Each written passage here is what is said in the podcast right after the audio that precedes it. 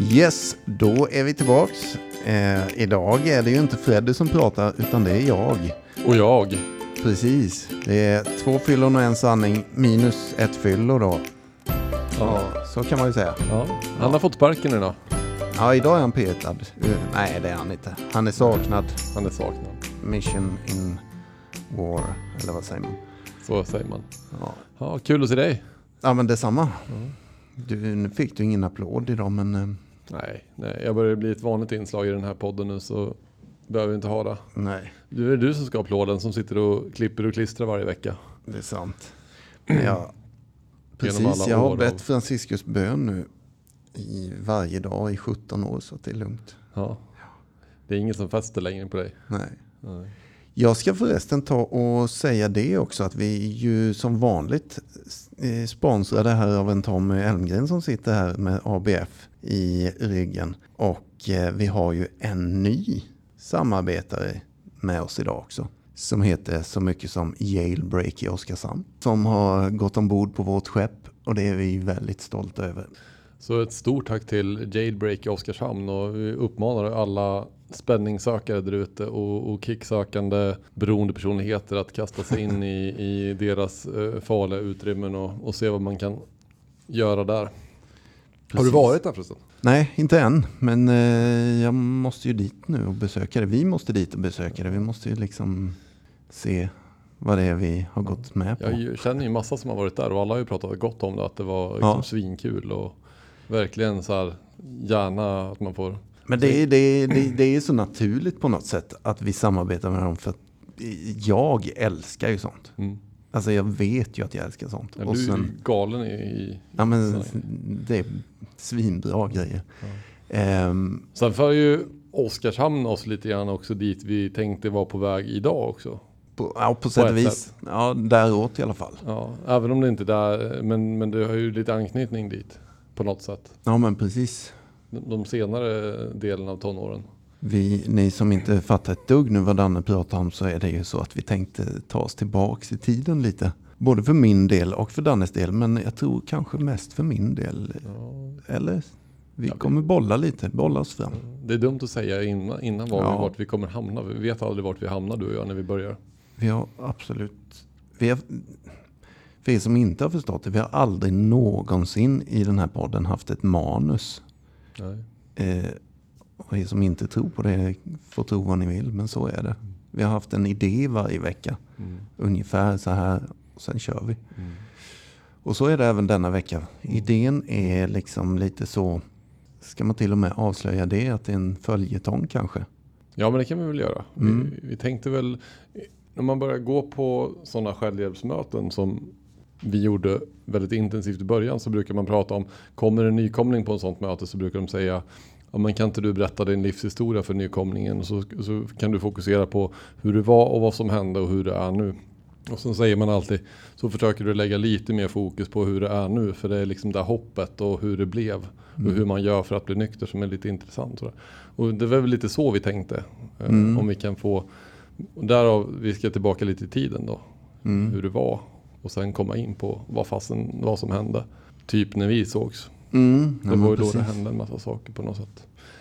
Eh, och sen komma in mer på hur det är nu då. Nu är vi två gubbar. Mm, ja, precis. Det sitter Men- ju en men annan ni- gubbe här också då bakom spakarna som är gubbe på riktigt. Men vi utifrån eh, när vi sågs, det har ju nästan gått 20 år. Ja, Inte riktigt men Nej. nästan. precis. Det är länge sedan nu. Nej, men alltså, för att förtydliga det lite då. Tre avsnitt kommer komma. Det här är första då. Mm. Eh, avsnitten tänker jag i mitt huvud så som vi bollade det. Du får rätta mig om du har en annan tanke där. Men hur det var, vad som hände med oss och hur, hur vi är nu. Mm. Alltså det är tre Ja. avsnitt. Vi, vi, vi får se, vi, vi Ja. startar det i alla fall. Det gör vi. Och, och som sagt, ni som har lyssnat och följt den här podden ett tag har ju liksom hört en hel del om, om min uppväxt. Jag hade ju ett eget avsnitt. Jag fick brodera ut mig lite grann om vad jag satt med i, i bagaget. Eh, och hur jag upplevde min uppväxt lite grann. Men jag tänkte så här, jag är ju väldigt nyfiken. Du har ju pratat en del också såklart. Mm. Det är inte så att tittarna har, lyssnarna menar jag, får man ju säga i radio, Mm. inte har gått obemärkta. mm, över din resa så. Men eh, jag skulle liksom vilja veta lite mer hur det var när du började närma dig den där eh, Ja, vem var Jeppe liksom 13 år gammal? Mm. Vi börjar där. 13 år, då är vi ju födda 82 bägge två. Mm. Då är vi in på 90, 95. Vad hände 95 i Ruda? Det är ett år efter fotbolls-VM. Ja, Mm. 94. Det är bra att ha sådana här milstolpar eller sådana här händelser för att orientera sig lite i vad som händer. Men Mm. Ja, herregud, nu här kommer vi få klippa lite för jag behöver tänka nu. Jag är lite tagen på sängen om de här frågorna. Men eh, Mm. det är nog bra att det blir lite så. Mm. Eh, vi, kan, vi kan göra så här istället att eh, jag skulle kunna säga att eh, i stora delar av mitt liv så har jag alltid haft någon slags idol eller sådär. Jag vet inte varför jag tänker på det nu men så gör vi.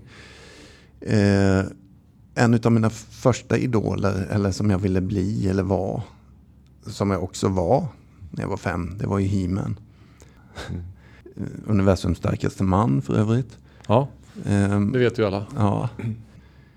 Sen eh, blev jag lite äldre. Då var jag Spindelmannen så småningom. Jag har även varit Hulken. Mm. Och vad jag egentligen far efter så är det ju så att när jag då någonstans på högstadiet där 13, 14, 15 så dök det upp en ny gestalt i mitt liv som heter Kurt Cobain. Mm. Och varför jag drar upp detta ju för att fråga om 95. Mm. 96, 97 kanske. 1994 så var det så att Kurt Cobain tog livet av sig. Mm. Eller blev mördad. Mm. Det vet vi inte riktigt än. Ehm, men i det, när jag började högstadiet så började jag också bli intresserad. Jätteintresserad av musik så skulle man kunna säga. Det fanns en replokal där som vi hade, jag och några vänner. Och där hade vi också tillgång till lite alkohol och så. Mm. Men jag tänkte vi ska bara lyssna lite på det här en stund så kommer vi tillbaks. Vad härligt. Something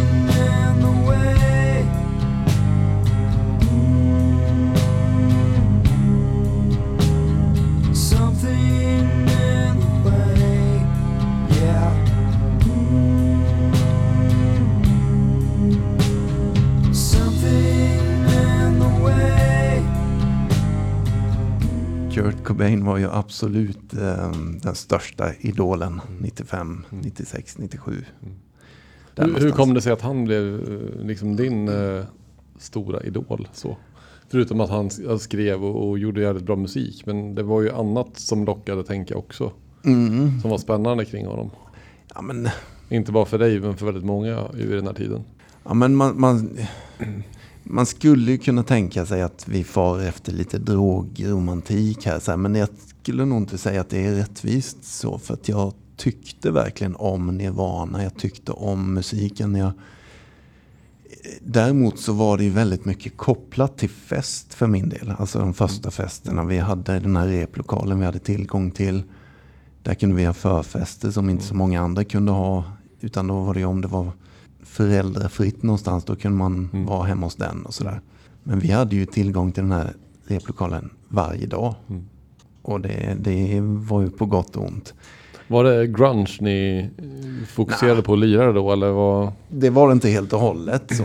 För det var väl, det var väl så att Nirvana och, och, och med han i spetsen då var lite gudfadrarna inom grunge-musiken. Mm. Nu är ju du som är den stora musiknörden Mm, ja. här men Ja, de nej, men kom jo, men ett så, helt nytt koncept kan man säga.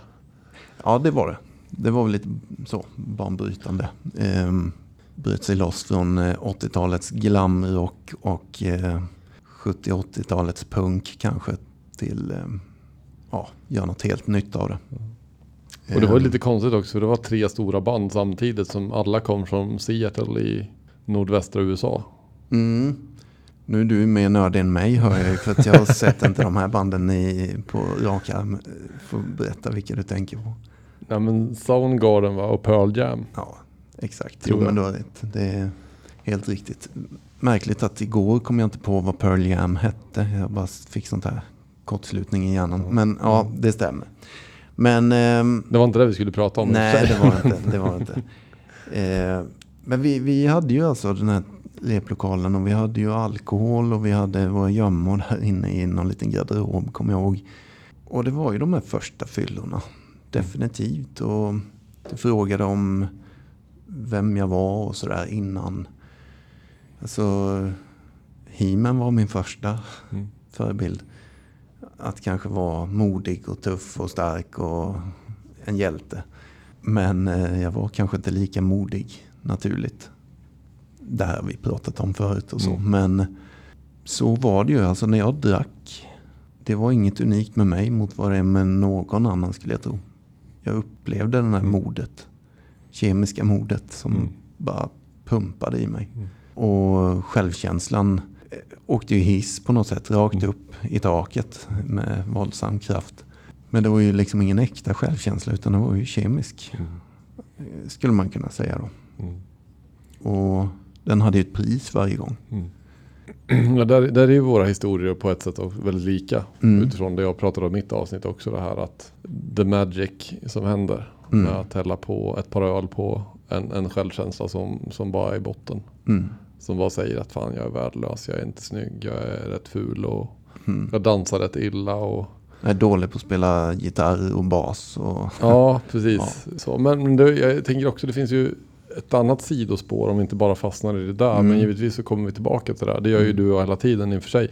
Men just det här att du blev musikintresserad exempelvis då. mm. Och, och vad, hur kom det sig? Vad, vad berodde det på tror du? Nej, men dels också, jag får nog faktiskt eh, då kanske tacka eh, min styvfarsa lite där. Får jag väl ge honom. För han hade mycket musik eh, i min uppväxt när jag var liten. Alltså ni lyssnade mycket på musik hemma? Absolut, och mycket skivor och sådär. Queen Greatest Mm. Hits var nog min första skiva jag köpte. Mm. Eh, 10-11 år gammal eller något sånt. Fan vad ballt. Och Ja. jag som hade Whitney Houston. ja, nej men Ja. Queen var riktigt ballt där. Mm. tyckte jag. Och sen blev det Metallica, kommer jag ihåg, det var nog andra skivan. Mm. Och sen hör på det här då, Def Leppard. jag vet inte hur det kom sig, men så var det i alla fall. Nej men så att musik var, gillade jag. Jag tror att det är också i min släkt väldigt mycket musik så. Mm. Eh, alltid funnits. Men i, det var nog inte förrän högstadiet där som jag stötte på Nirvana. Jag stötte även på dina favoriter Kent Mm. tidigt. Vi hade ju ett av våra första band då. Mm. vi lyssnade jättemycket på Kent och vi hette Jens. Så att, eh, så det var originellt tänkte jag. Och skrev svenska låtar och sådär. Nej, Men, jag tänker så här, de, mm, de du umgicks med där. För Mm. du, du var inte själv i replokalen där. Nej, Ni var ett gäng som... alla älskade musik skulle jag nog säga. Mm. Och många av oss blev ju kanske något inom musik. Jag blev inte det för jag, så duktig var jag inte. Eller ihärdig kanske. Mm. En del av oss är ju riktigt begåvade, det måste jag ju säga. Mm. Och turnerat över världen och sådär. Mm. Men eh, det var musik, musik, musik Mm. hela tiden. Och eh, fester, absolut. Mm. Framförallt jag, jag tänker på Robban. Mm. Eh, kommer förmodligen vara gäst framöver. Mm. Han eh, och jag, vi tävlade nog om platsen om Kurt Cobain. Mm. Känns det som. Vi såg ut som Kurt Cobain. Mm. Sen gled han över lite mer till John Lennon eller? Ja, det är nu på senare år. ja. Han har också haft en eh, Afzelius-period och eh, allt möjligt. Mm. Men ehm, så är det. Jag kommer bort lite från din fråga. Musik. Nej men alltså det, jag vill ju få in det i ett spår som du har förstått. Så. Mm. Jag tänker att, jag, tänker att eh, jag pratade lite grann om eh, i mitt avsnitt. Mm. Nu tycker jag att du tar för mycket plats här så nu måste Mm. jag också få lite plats. Eh, jag har ju inte, jag, jag har inte bett Franciscus bön lika mycket som du så jag har ju Mm. fortfarande lite kvar av mitt, mitt stora ego. Nej men, men jag tänker så här, jag pratar ju en del om, om det här att växa upp i Katrineholm. Mm. I, i mitt eh, nätverk eller umgänge av polare så då spelar du alla fotboll och bandy. Mm. Alltså, och- så jag alltså mitt umgänge bara frodades ju av idrott i princip. Ju. Ja, Sen fanns det ju lite annat också såklart. Liksom. Men, men, och jag var ju en stor del av den kulturen. Mm. Medan du är där någonstans. Du, sen vet jag att du har spelat fotboll också. Sådär, ju, men, Mm. men det känns ju som att vi av en slump kanske också hamnar på två helt olika arenor. Ja men absolut, Eh, nu fattar jag lite vad du också far efter så. Men, eh, ja, men så är det ju. Och, och, eller, alltså, platsen där jag växer upp var mycket musik i högstadiet definitivt. Mm. Och, men det fanns ju fotboll också det. Men jag, var ju, jag gillade ju aldrig riktigt det. Nej. När jag var yngre så spelade jag fotboll för att då hittade jag inte musiken riktigt på Nej. samma sätt. Men eh, musiken och sen även skateboard får jag ju slå ett Mm. slag för. Alltså, det var ju Men asballt. det hängde ju lite ihop ju. Kanske, ja. Eller i alla fall så uppfattar jag i Katrineholm, för det fanns ju många som var musikintresserade. Som, och det var ju inte bara, men det, det var väl många som lyssnade på Nirvana. Alltså även om det var skatepunken kom liksom då med Millencolin och allt vad det var. Mm. Jo, nej, men eh, det stämmer väl så. Alltså på något sätt. Men och, och jag tror jag fattar lite så vad du far efter. Att hade vi bytt plats så hade det förmodligen varit då hade du varit musiknörden i högstadiet och jag bandykillen. Ja, Eh, ja, På något sätt. För att någonstans handlar det om en tillhörighet. ja. Och äntligen ett gäng där jag är accepterad eller där jag känner mig ganska hemma. Ganska duktig på det. Ja. Eh, Även om jag inte var superduktig musiker. Mm.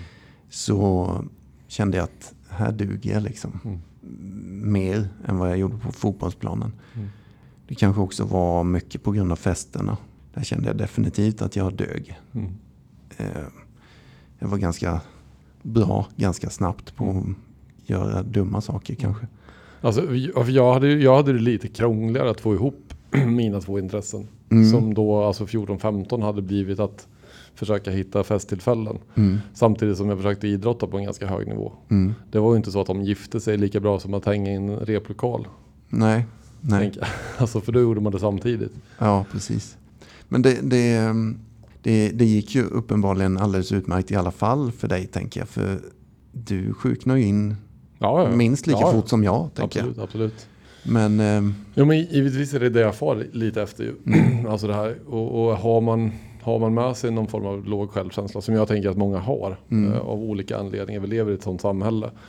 Um, om man nu ska gå tillbaka till hur det är 2021 som vi är just nu. Men vi hade ju inte sociala medier eller smartphones eller sådär heller. Så tror jag att vi, alltså det blir ännu lättare att ska man säga, smittas med den eh, bekräftelsesökande, låga självkänslan i allt vad det handlar om att passa in och duga till och finnas på sociala medier. Och, alltså vi hade det på något sätt lite mer avskärmat. mm, Så även om vi på något sätt var i allra högsta grad en del av, av kulturen och samhället där. Men jag tänker att det, det här är ju ännu mer aktuellt idag kanske. På ett sätt. Eh, och på ett sätt kanske inte. Nu ska vi inte dra någon lång diskussion där. Men jag tror att många som känner igen sig i det här att, att det är svårt att hitta någon tillhörighet. För jag tror också som du är inne på att eh, det är ju livsviktigt i den åldern och ska det ju vara i den åldern.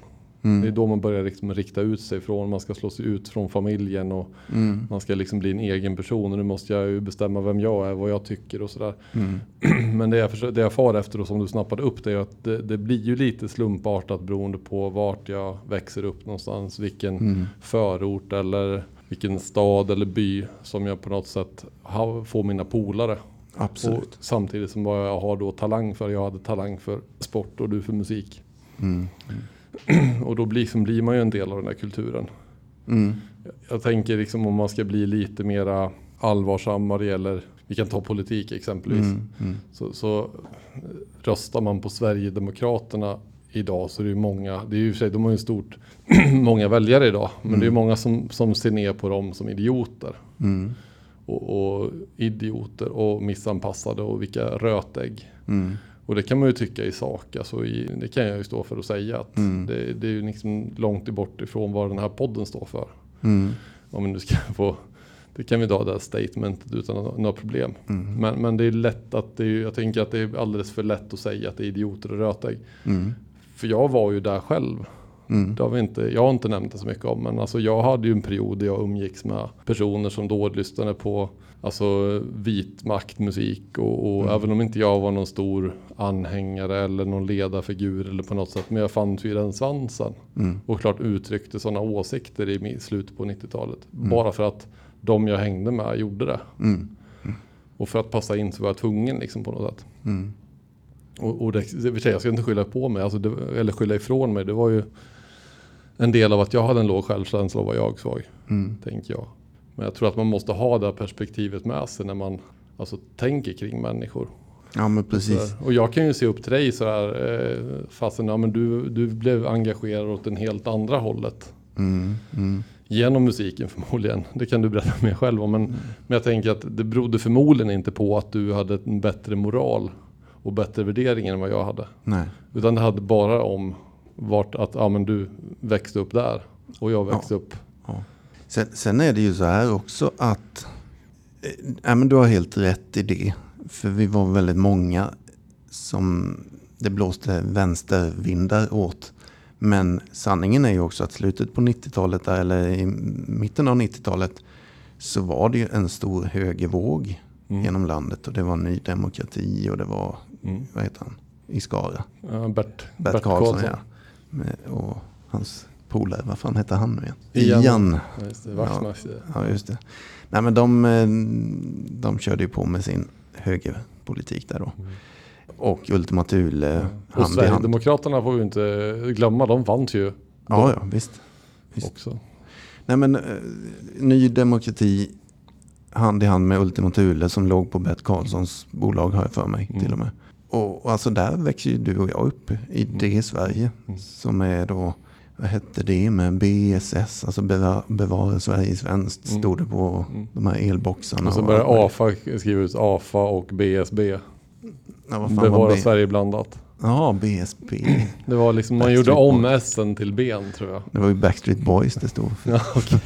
Ja. Ja, nej men, eh, nej men så är det absolut. Och då är det så här att i, där jag växte upp då i högstadiet så fanns ju båda kategorierna. Mm. Inte jättemycket vänster till att börja med, Nej. ska jag säga.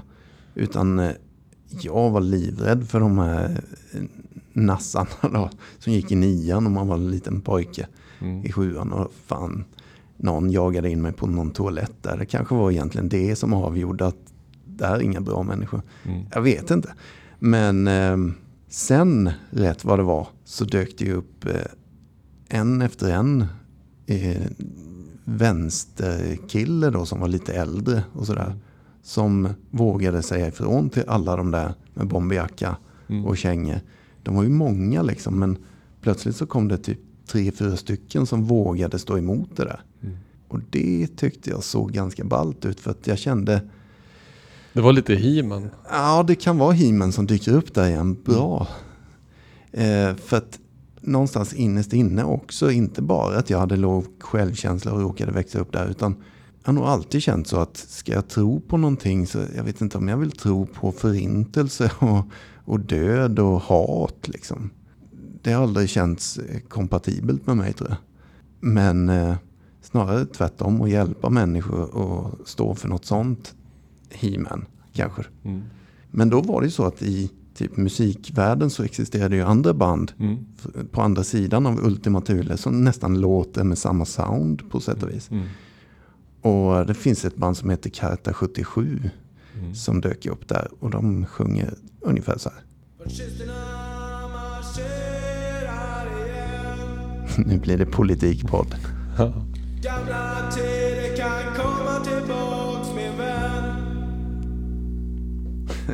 Då de svarar de likvideras Du måste öppna dina ögon och se Glöm aldrig vad som hände i Tyskland 33 Ja, vi kan sänka ner lite där, bara låta den ligga tycker jag en stund. Det är lite mysigt. Det här är nostalgi för mig, det här är ju högstadiet. Och lite svensk punk. Nej men alltså, glömma, de sjunger där i slutet, glöm aldrig bort vad som hände i Tyskland 33 och sådär. Mm. Hans parti Mm. gick igång. Ehm, och eh, Och menar då såklart Ny Demokrati och... ja, att eh, nu blåser de här vindarna igen Mm. på 90-talet då. Mm. Mm. Och det gör de ju en, nu igen. Mm. För några år sedan har de börjat blåsa igen. I hela jävla Europa, hela världen skulle jag säga.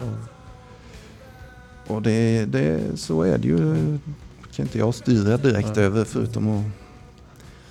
Nej men, men och sen lite grann av man ska fånga det jag försökte prata om just det här att, att jag har ju alltid sett dig som, som så här, ja men vilken, vilken, vilken snubbe med sådana schyssta värderingar och, och, och sådär. Men att det egentligen också som sagt är jävla slump. Mm, mm, Även om man visst, eh, ja, jag, jag kände mig väl aldrig helt bekväm med det heller. Jag, hade, jag var ju inte liksom helt, det var inte så att det var högerextremism och heil, men det var ju ändå någon form av, sen beror nog det där på, jag vet inte hur det såg ut i Ruda och Högsby på den tiden, men vi i Katrineholm hade ju en ganska hög procentuell invandring om man, om man ser till resten av Sverige. mm.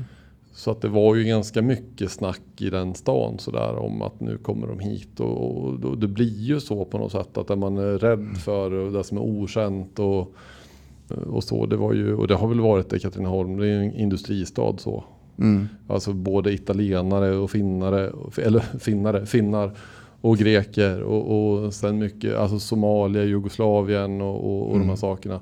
Så jag tänker att det, det, det är klart det blir motsättningar i en sån stad oavsett Mm, mm. med den integrationen vi har haft. Så, men, men, ehm, så det var ju också väldigt mycket högervind, alltså det blev läge liksom. Och det var ju alltid slagsmål på stan. Och, Sen, fasen, det blir, vilket speciellt avsnitt det blir idag känner jag. Men mycket barndom och så, mycket politik helt plötsligt. Men det kan få vara så. Det, det blir lite så här 90-tals eh, ja. på det. Nej men jag tänker att det, man bra förstå den samtidigt Mm. som vi kommer ifrån. Ja men absolut, helt rätt ju. Vi kanske ska släppa politik så småningom henne men Ja, men, men jag tänker det är ju en, eh, vi inte pratar, vi- skiter i politik men vi pratar egentligen om tillhörighet och identitet. Att växa upp i, i en, en kropp av, av se mig, hör mig, eh, bekräfta mig, tycka om mig, älska mig och, Mm. och, och spriten var ju våran väg liksom och sen så var vi i helt olika sammanhang med musik och politik och jag var i idrott och jag ska inte säga att det var högerextrema, det var en liten del av det. Alltså mer att Ultima Thule åkte på när man satt och drack bira mm, mm, och sjöng Sverige, Sverige fosterland utan att man fattade varför och vad de stod för egentligen. mm. Eh, så. Men, men ja men jag är ärlig. Ja, Bara, absolut. Det, jag tror att det är många som kan relatera till det där. Men, men vad skulle jag komma till sen? Nej, men det är ju jäkligt intressant. Det har blivit mycket politik. Men jag menar, din uppväxt och tonårsperiod handlade ju någonstans också väldigt mycket om musik. Mm. Och det blev ju väl en, ändå ännu mer politik. Och, Jo, men så är det. Alltså för dig. Så det är, ju, det är ju lite dig det handlar om tänker jag.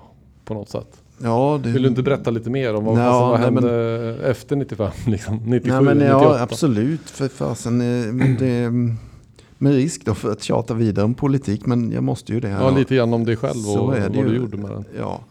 Nej men eh, vi, vi festade vidare där och det var ju var och varannan helg och det var replokalen och det var Nirvana och det var Black Sabbath och det var Kent och Skolk. Och, men eh, så småningom så satt ju jag och, eh, alltså det började ju bli lite mer politik då när vi kanske är 15-16. Mm. Jag och några polare sitter på en fest och plötsligt så kommer det en ny musik in i bilden. Och lite tuffare, lite hårdare. Folk som har kommuniststjärnor på sina baskrar dyker upp. Mm. Alltså, det blir lite mer extremt. Mm. Ändå dock ganska oskyldigt. Mm. Eh, och så. Mm. Vi får lyssna lite här nu.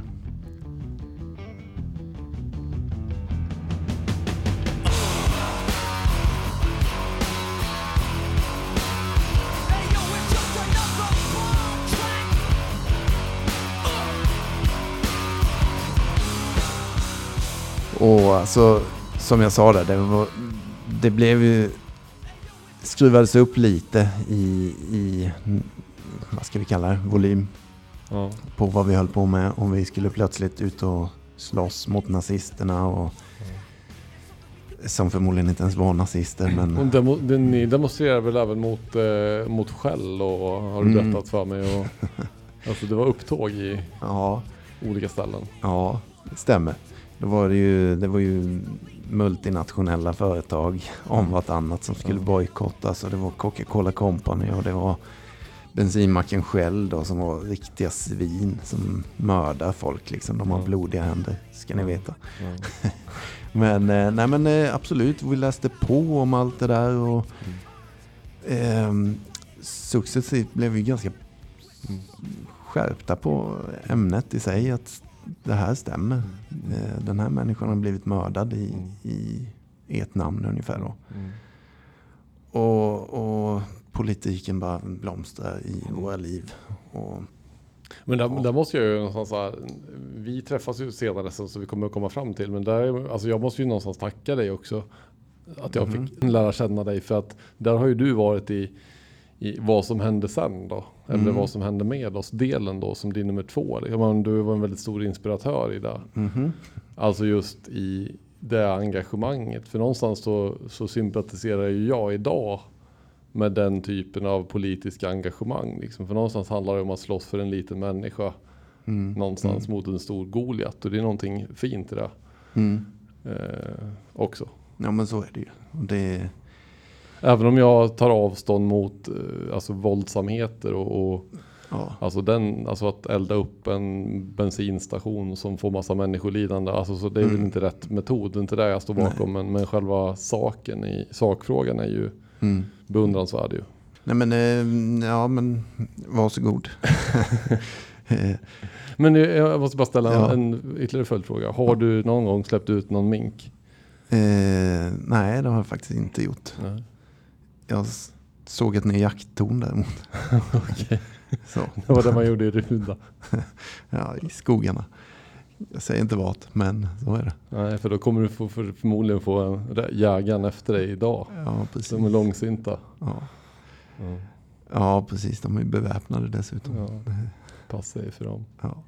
Nej, men eh, gjorde en del dumma grejer. Mm. He helt klart. Alltså, som, det finns bättre metoder Mm. kan jag tycka. Mm.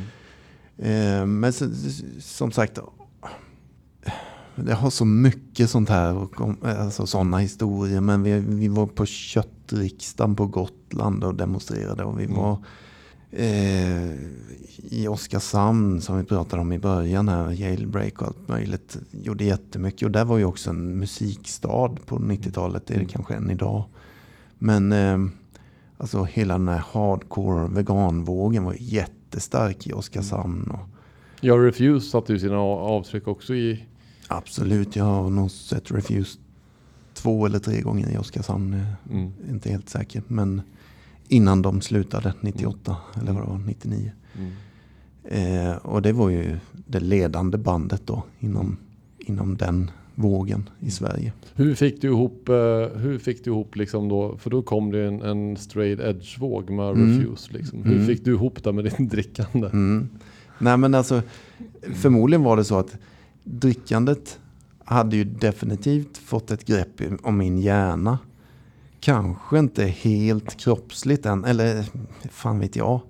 Eh, Jo, när jag drack så ville jag ju ha mer. Mm. Men det var ju, hur fan ska vi säga det? det nej men såklart så, man börjar ju inte på en parkbänk Nej. när man är 15-16 år. Utan det blir ju värre i den här sjukdomen. Mm. Men där fanns det väl fortfarande någon form av lucka då att ja, men det här är ju också balt. Jag vill testa att vara straight edge då. Mm. Och, alltså drogfri och, eller vad säger man, inget beroendeframkallande i min kropp. Mm. My body is my temple och Mm. allt möjligt så här. Det var ju mer balt än funktionellt eller vad ska vi kalla det, kompatibelt med mig då. Mm. Jag pallade inte riktigt det så länge. I några månader kanske jag var nykter. Mm. Sen, eh, nej, så extrem behöver inte jag bli. Och vad jag nu skyddade den med.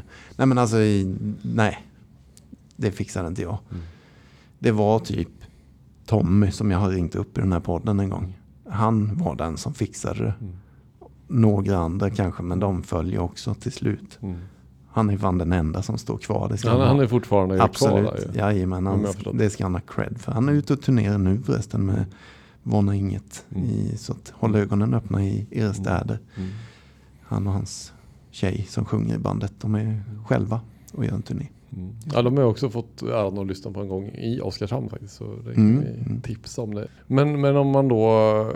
Du, men alltså på den här period, tiden i ditt drickande låter det som att ja men det är klart att du hade allergin säger du. Alltså det Mm. betyder egentligen, eftersom jag känner dig nu, men alltså att när du väl drack så gick det ofta så att du var den som drack mest och blev fullast och det hände lite saker.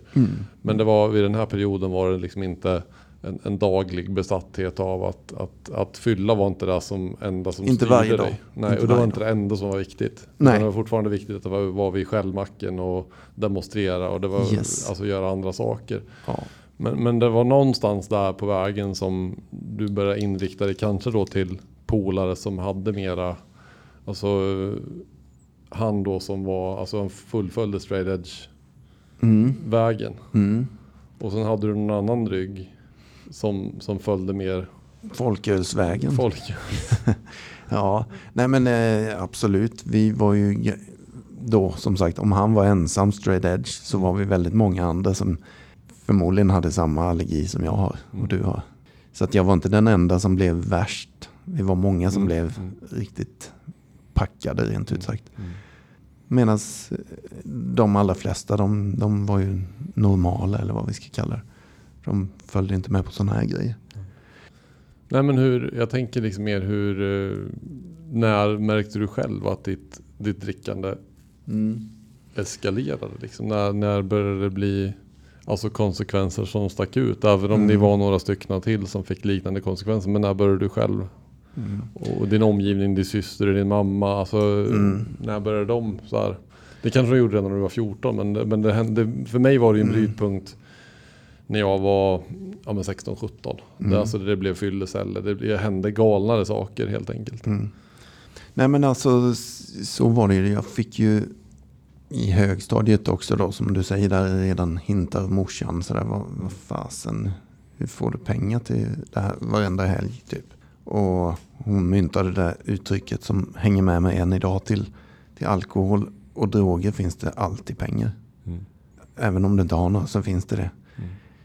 Där kan vi snacka om en kraft starkare än min egen. Mm. Alltså att om jag är aktiv i mitt missbruk, har jag inget, då kan jag skaffa det på nolltid. Mm. Med eller utan pengar.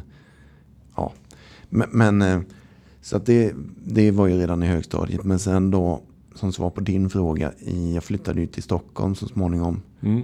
Fortsatte egentligen, det var väl inget jätte, jo men ja, fan vi krökade mycket då också så. Men jag levde ju också med en tjej i nästan fyra år då Mm. vi bodde ihop. Eh, så att någonstans, hon var nog bra för mig på det sättet att hon, hon var inte så, det var inte så viktigt för henne kanske att kröka jämt. Sen gjorde vi det rätt ofta. Vi hade mycket fester hon och jag och bjöd hem folk och sådär. Men, och vi gillade festivaler, både hon och jag. Och diffusa minnen här nu men mycket sådana nätter när man kanske inte riktigt tar sig hem med nattbussen från Stockholms innerstad ut till Flämpan. Mm. Mycket kanske slagsmål som hände uppe i Stockholm. Mycket sånt skit började hända mer och mer som blev lite mer farligt eller vad ska jag kalla det. Och, Hur, hur blev du liksom inblandad i det? Eh, ja men då var det ju så här, ja kommer vi igen, politik. Ja. För du var fortfarande ganska... Jag började trappa av det där. Efter kravallerna i Göteborg exempelvis 2001. Mm. Då började jag bli mätt på det här. Liksom, att fan vad det här... Jag vet inte. Jag tappade det på något sätt. Det blev inte kul längre. Och sen hade jag en vän. Jag vet inte, det var nog kanske lite senare. Men han blev ju liksom utsatt för mordbrand. De är på Efterlyst i TV3. Nå- Ni var liksom så här svartlistade på Ja, men eh, en del av oss eh, var ju och liksom uppsatta så. Jag vet inte om man ska ens säga det i den här podden. Du får det- klippa bort den. Ja, det är obehagliga krafter som finns där ute. Som liksom, mitt ansikte finns fotat och på hemsidor och sånt. Mm. Dödslistor. Mm. Men, men ehm, den vännen då, jag tänker inte prata om hans namn, men hans barn står ju liksom och leker när de brer mackor på kvällen. Mm. Står och leker vid brevinkastet så. Ett barn på, jag vet inte, fyra, fem år kanske, max. Och han undrar vad hon håller på med då. Och då ser han ju att det sipprar ju ner bensin i brevinkastet där hans dotter står. Så han hugger ju henne i sista sekund innan det kommer tändstickor. Mm. Och de överlever. Mm. Hela familjen. Men det är med nöd och näppe. De tar sig ut på balkongen. Får hissa ner sin dotter till grannen under. Och sen sin fru. Eller tjej då. Och sen sig själv. Eh, Det, det var sekunder ifrån. Mm. Eh, Men du, du blir, märks på det. Du Ja, blir lite men alltså- tagen när du... Jag var ju inte alls med om detta på den nivån. Men jag kände ju det redan då, kravallerna alltså, och alla grejer vi hade gjort. Alla Stockholm där som jag egentligen skulle prata om. Mm. Alltså jag hade ju fortfarande eh, attribut på mig som visar var jag står politiskt. Mm. Och är du snopackad en kväll och ska försöka hitta en nattbuss ensam, alla polarna har försvunnit. Och det kommer ett gäng på åtta skinnskallar liksom Mm. och ser den tröjan. Mm. Då är det inte jättekul Mm. att vara snopackad längre Mm. och ensam. Men för på den här tiden så var ju du alltid, det har jag nog sagt i någon tidigare avsnitt, men när vi, när vi träffades sen också Mm. så du var ju alltid, det dröjde ju väldigt många år innan jag såg dig i din naturliga hårfärg Mm. exempelvis. Alltså du var ju alltid skinnpaj och Färgat svart. svart hår och piercingar i näsa och läpp och Ja, i läppen var det bara. läpp. Okej, Mm. ja förlåt. Nej men eh, ja, ett stort anarkist A hade jag på ryggen sprayat så ja. Det Ja. stämmer. Ja det var ju svårt att, det var ju inte, ja, du stack ut. Ja, nej men absolut. Sen var jag liksom, jag var långt ifrån den extremaste i det här gänget. Eh, Säg som du, Mm. jag hängde med det gänget. Och en del av oss var väldigt eh, involverade. Mm. Alltså rikt, obehagligt på något sätt. Mm. Och, och det kände jag av som jag säger. Mm. Och kände att det här börjar släppa nu. Jag vill inte, det här börjar bli obehagligt liksom. Och parallellt med det här så gick du i skolan upp i Stockholm. Mm. Eller hur? Du gick ju uppe i fry, Fryshuset va? Fryshuset ja, precis. Ja. Jag var första gymnasieåret som började på, alltså Fryshuset startade ett gymnasium. Ja. Det är han, vad heter han, Karlberg va? Anders Anders Karlberg, Ja, ja. Eh, Slå ett slag för honom. En mycket viktig person i, Mm. i, i I svensk- sådana här kretsar definitivt. Ja. Som befinner sig på utkanterna. Han är värd att nämnas i ett avsnitt som handlar om identitet och subkultur. Definitivt, verkligen. Eldsjäl. Nej men så, så var det. Fryshusets gymnasium började jag gå. Och eh, där någonstans var det också så då efter andra året så kallade de in oss i gympahallen och eh, sa det att vi har fått reda på att det finns droger på skolan. Vi kommer börja med drogtester. Ni som inte vill det och så ni kan eh, ja, lyfta på era rövar och gå. Mm. För här är en nykter skola. Mm. Och då var vi ett 20-tal elever som lyfte på röven och gick. Mm. Eh, en konsekvens då som betyder att jag har inget gymnasium än idag höll jag på att säga. Men jag har väl pluggat upp lite betyg så att man kan säga att jag har det. Men eh, Men nu måste jag ändå berätta vad det Mm. var du gick. För det här är också en sak som jag tycker är ball med dig. Du är ju en mångsysslare. Men vilken linje valde du att gå? jag gick alltså cirkusgymnasiet. Ja. Det, det, ja, det var inte alls tanken. Jag hade ingen aning om att det ens fanns. Jag jobbade ju faktiskt som bilmekaniker innan, lärling som Mm. bilmekaniker. Ingen utbildning eller någonting. Men jag gillade att skruva med bilar då. Ehm, någonstans i bakhuvudet så hade jag hört det där att man måste ha gymnasieutbildning. Och sen då tjejen jag bodde ihop med, hon gick på Fryshuset. Så att jag fick höra då att just cirkuslinjen var ju eh, inte så många elever på. De typ behövde ju elever då kan man väl säga för att vara rakt på sak. Så att eh, jag bara, men vad fan det låter ju lattjo. Så att eh, springa runt och leka kan jag väl göra. Vilket jag gjorde då. Så att jag kom in på gymnasiet till slut. 17 år gammal eller 18 kanske jag till och med var. Mm. Jag var lite äldre än de andra. Ännu en konsekvens. Mm. Men det är lite, det är lite eh, alltså, dig personifierat ju, tänker jag. Alltså du passar ju, du är ju en cirkus. Alltså du, någonstans så, Ja, inte fan vet jag. Ja. Nej men du gillar ju att spexa. Ja. Så- alltså, du är ju Absolut. en liten clown så. Och du jobbade ju också sen som eh, underhållare i Heron City i Mhm. Kungens Kurva. det stämmer Och mycket bra. slukade eld och jonglerade. Absolut. Ja. Det måste vi ju, eh, nu får du ge en applåd. Nej men det stämmer.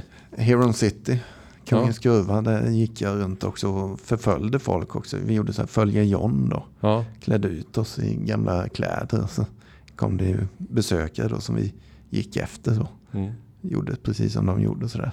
Ganska roligt så. Ja, ja.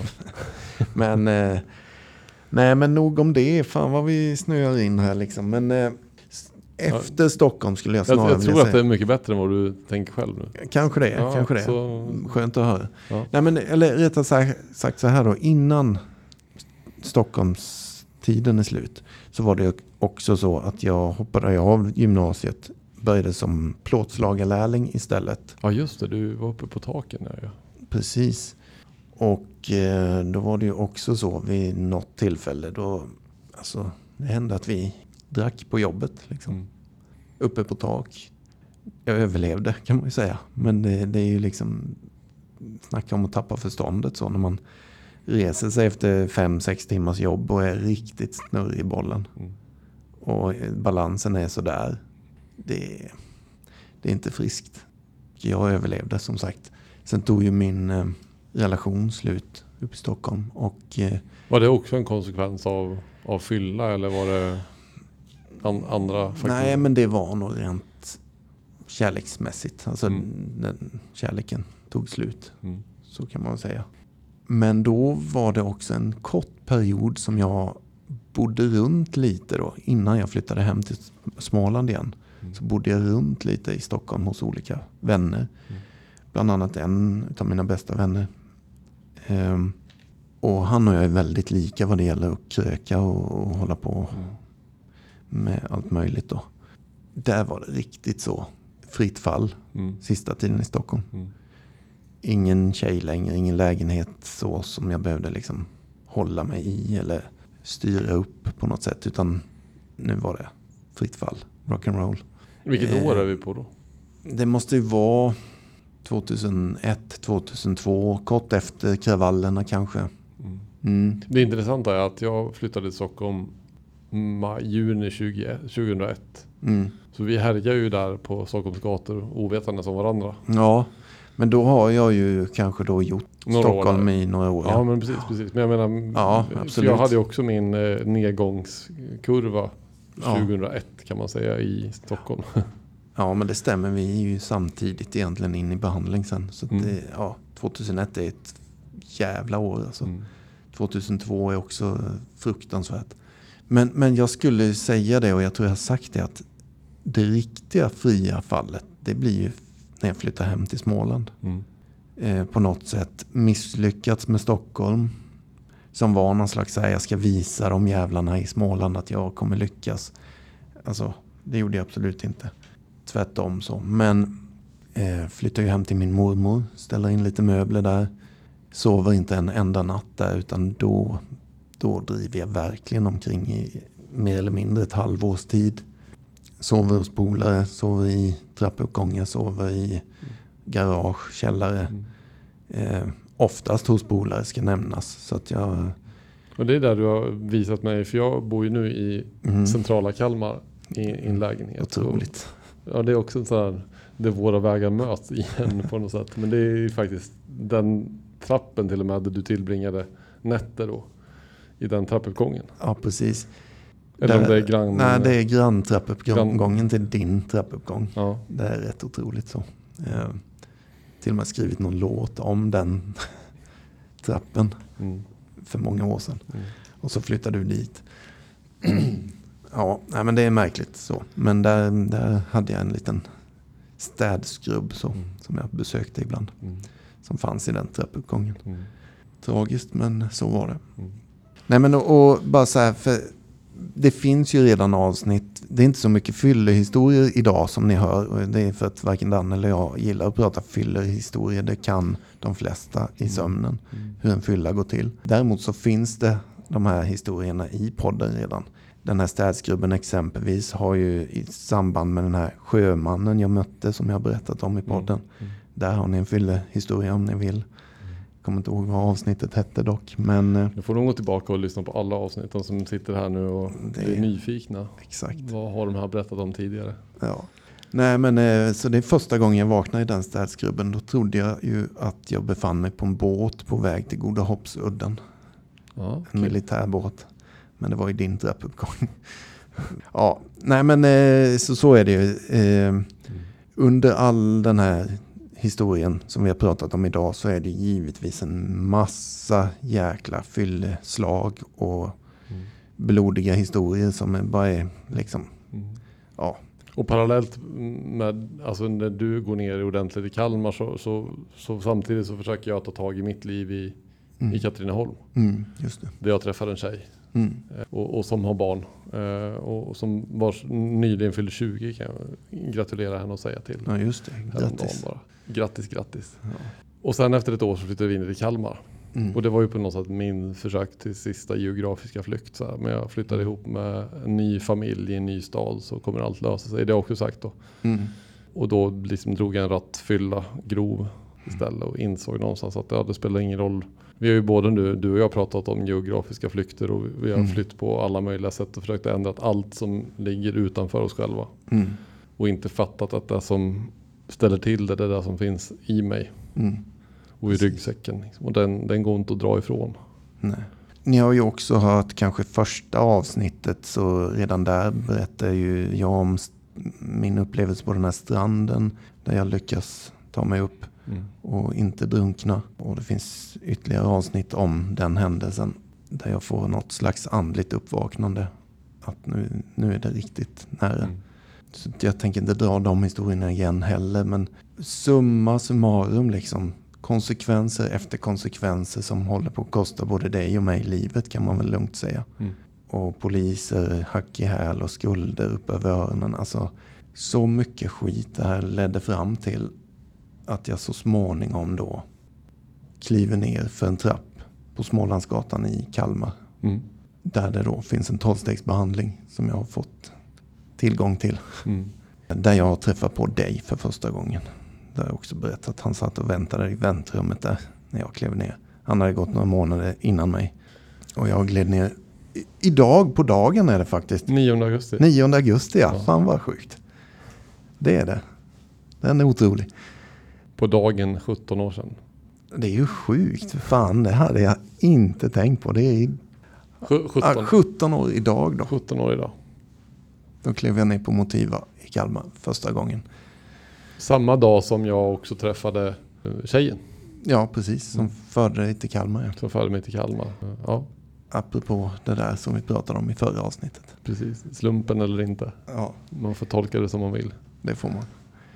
Eh, nej men så, så är det ju. Och, och där, vad hände där? Vi börjar skala av varandra. Mm. Ja, för det var ju någonstans, du har ju berättat om det här mötet och, och någonstans så tänkte jag ju samtidigt så här. Eller jag hade ju börjat någonstans blivit nyfiken på att fasen det kanske inte är alla som är idioter. Jag började liksom ifrågasätta mig själv lite grann och var rätt nyfiken och ja, så. Ja, men tyckte att fasen var kul, där kommer en ny medlem av gruppen. Mm. Samtidigt så fanns det någon bak i bakhuvudet av fasen det här är en skum människa Mm. som kliver ner. Tittar ner i backen och trasiga skor och Mm. sliten skinnjacka och Anarkist A på ryggen. nej men ja. det var ett speciellt möte. Det var det ju. Och det var ju ömsesidigt. Det var ju samma här ju. Det har vi också sagt liksom. Men där sitter någon spybar-kille liksom. Eh, ja men så tänkte jag. Det var mina fördomar om dig. Jag har tänkt på det också, det är ju egentligen helt sjukt hur olika vi levde våra liv på utsidan. Genom alla, det här det vi har berättat om, det dagens avsnitt får handla om. Alltså Mm. just om man ser till det yttre så är vi ju motståndare. Alltså vi hade ju förmodligen, alltså slag, nu var aldrig någon som slogs och inte du heller på det Mm. sättet, men vi hade ju inte varit vänner ute på gatan. Nej. Vi hade ju liksom, det hade blivit kunna konfrontation så. Mm. Nu träffas vi i ett annat sammanhang där vi båda var totalt vilsna. Mm. Eh, Uppgivna. Eh, Ja, och jag hade börjat fått något hopp liksom som jag försökte förmedla och blev väldigt glad när jag såg en, en annan renodlad alkis som bara var eh, 21, Trött 22. också. Ja, Trött på det där jävla pisset alltså. och, och ja, men du, du var ju också, du ingav ju mig jävligt hopp där också. Mm. Det var ju inte så många i våran ålder som, som kommer in i en behandling som 20, 21, 22-åringar och, och blir nyktra och drogfria och fullföljer det. Nej, Det var ju precis. många som innan du kom in som, och även efter du kom in som Mm. kom och gick liksom. Så är Som det. det normala kanske när man är i den åldern. Mm. Men du hade ju någon, något botten liksom, det kände Mm. man och det var ju, gav ju mig hopp, fan en till som verkligen vill. Mm. För jag var ju helt färdig jag med. Mm. Och det, nej men det är ju ömsesidig känsla i det. Att den här killen ska jag ta rygg på liksom. För han, ja, han vill samma som mig.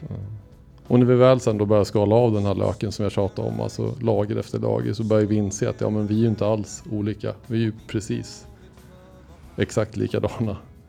Göra obehagliga kopior så Ja, känslomässigt.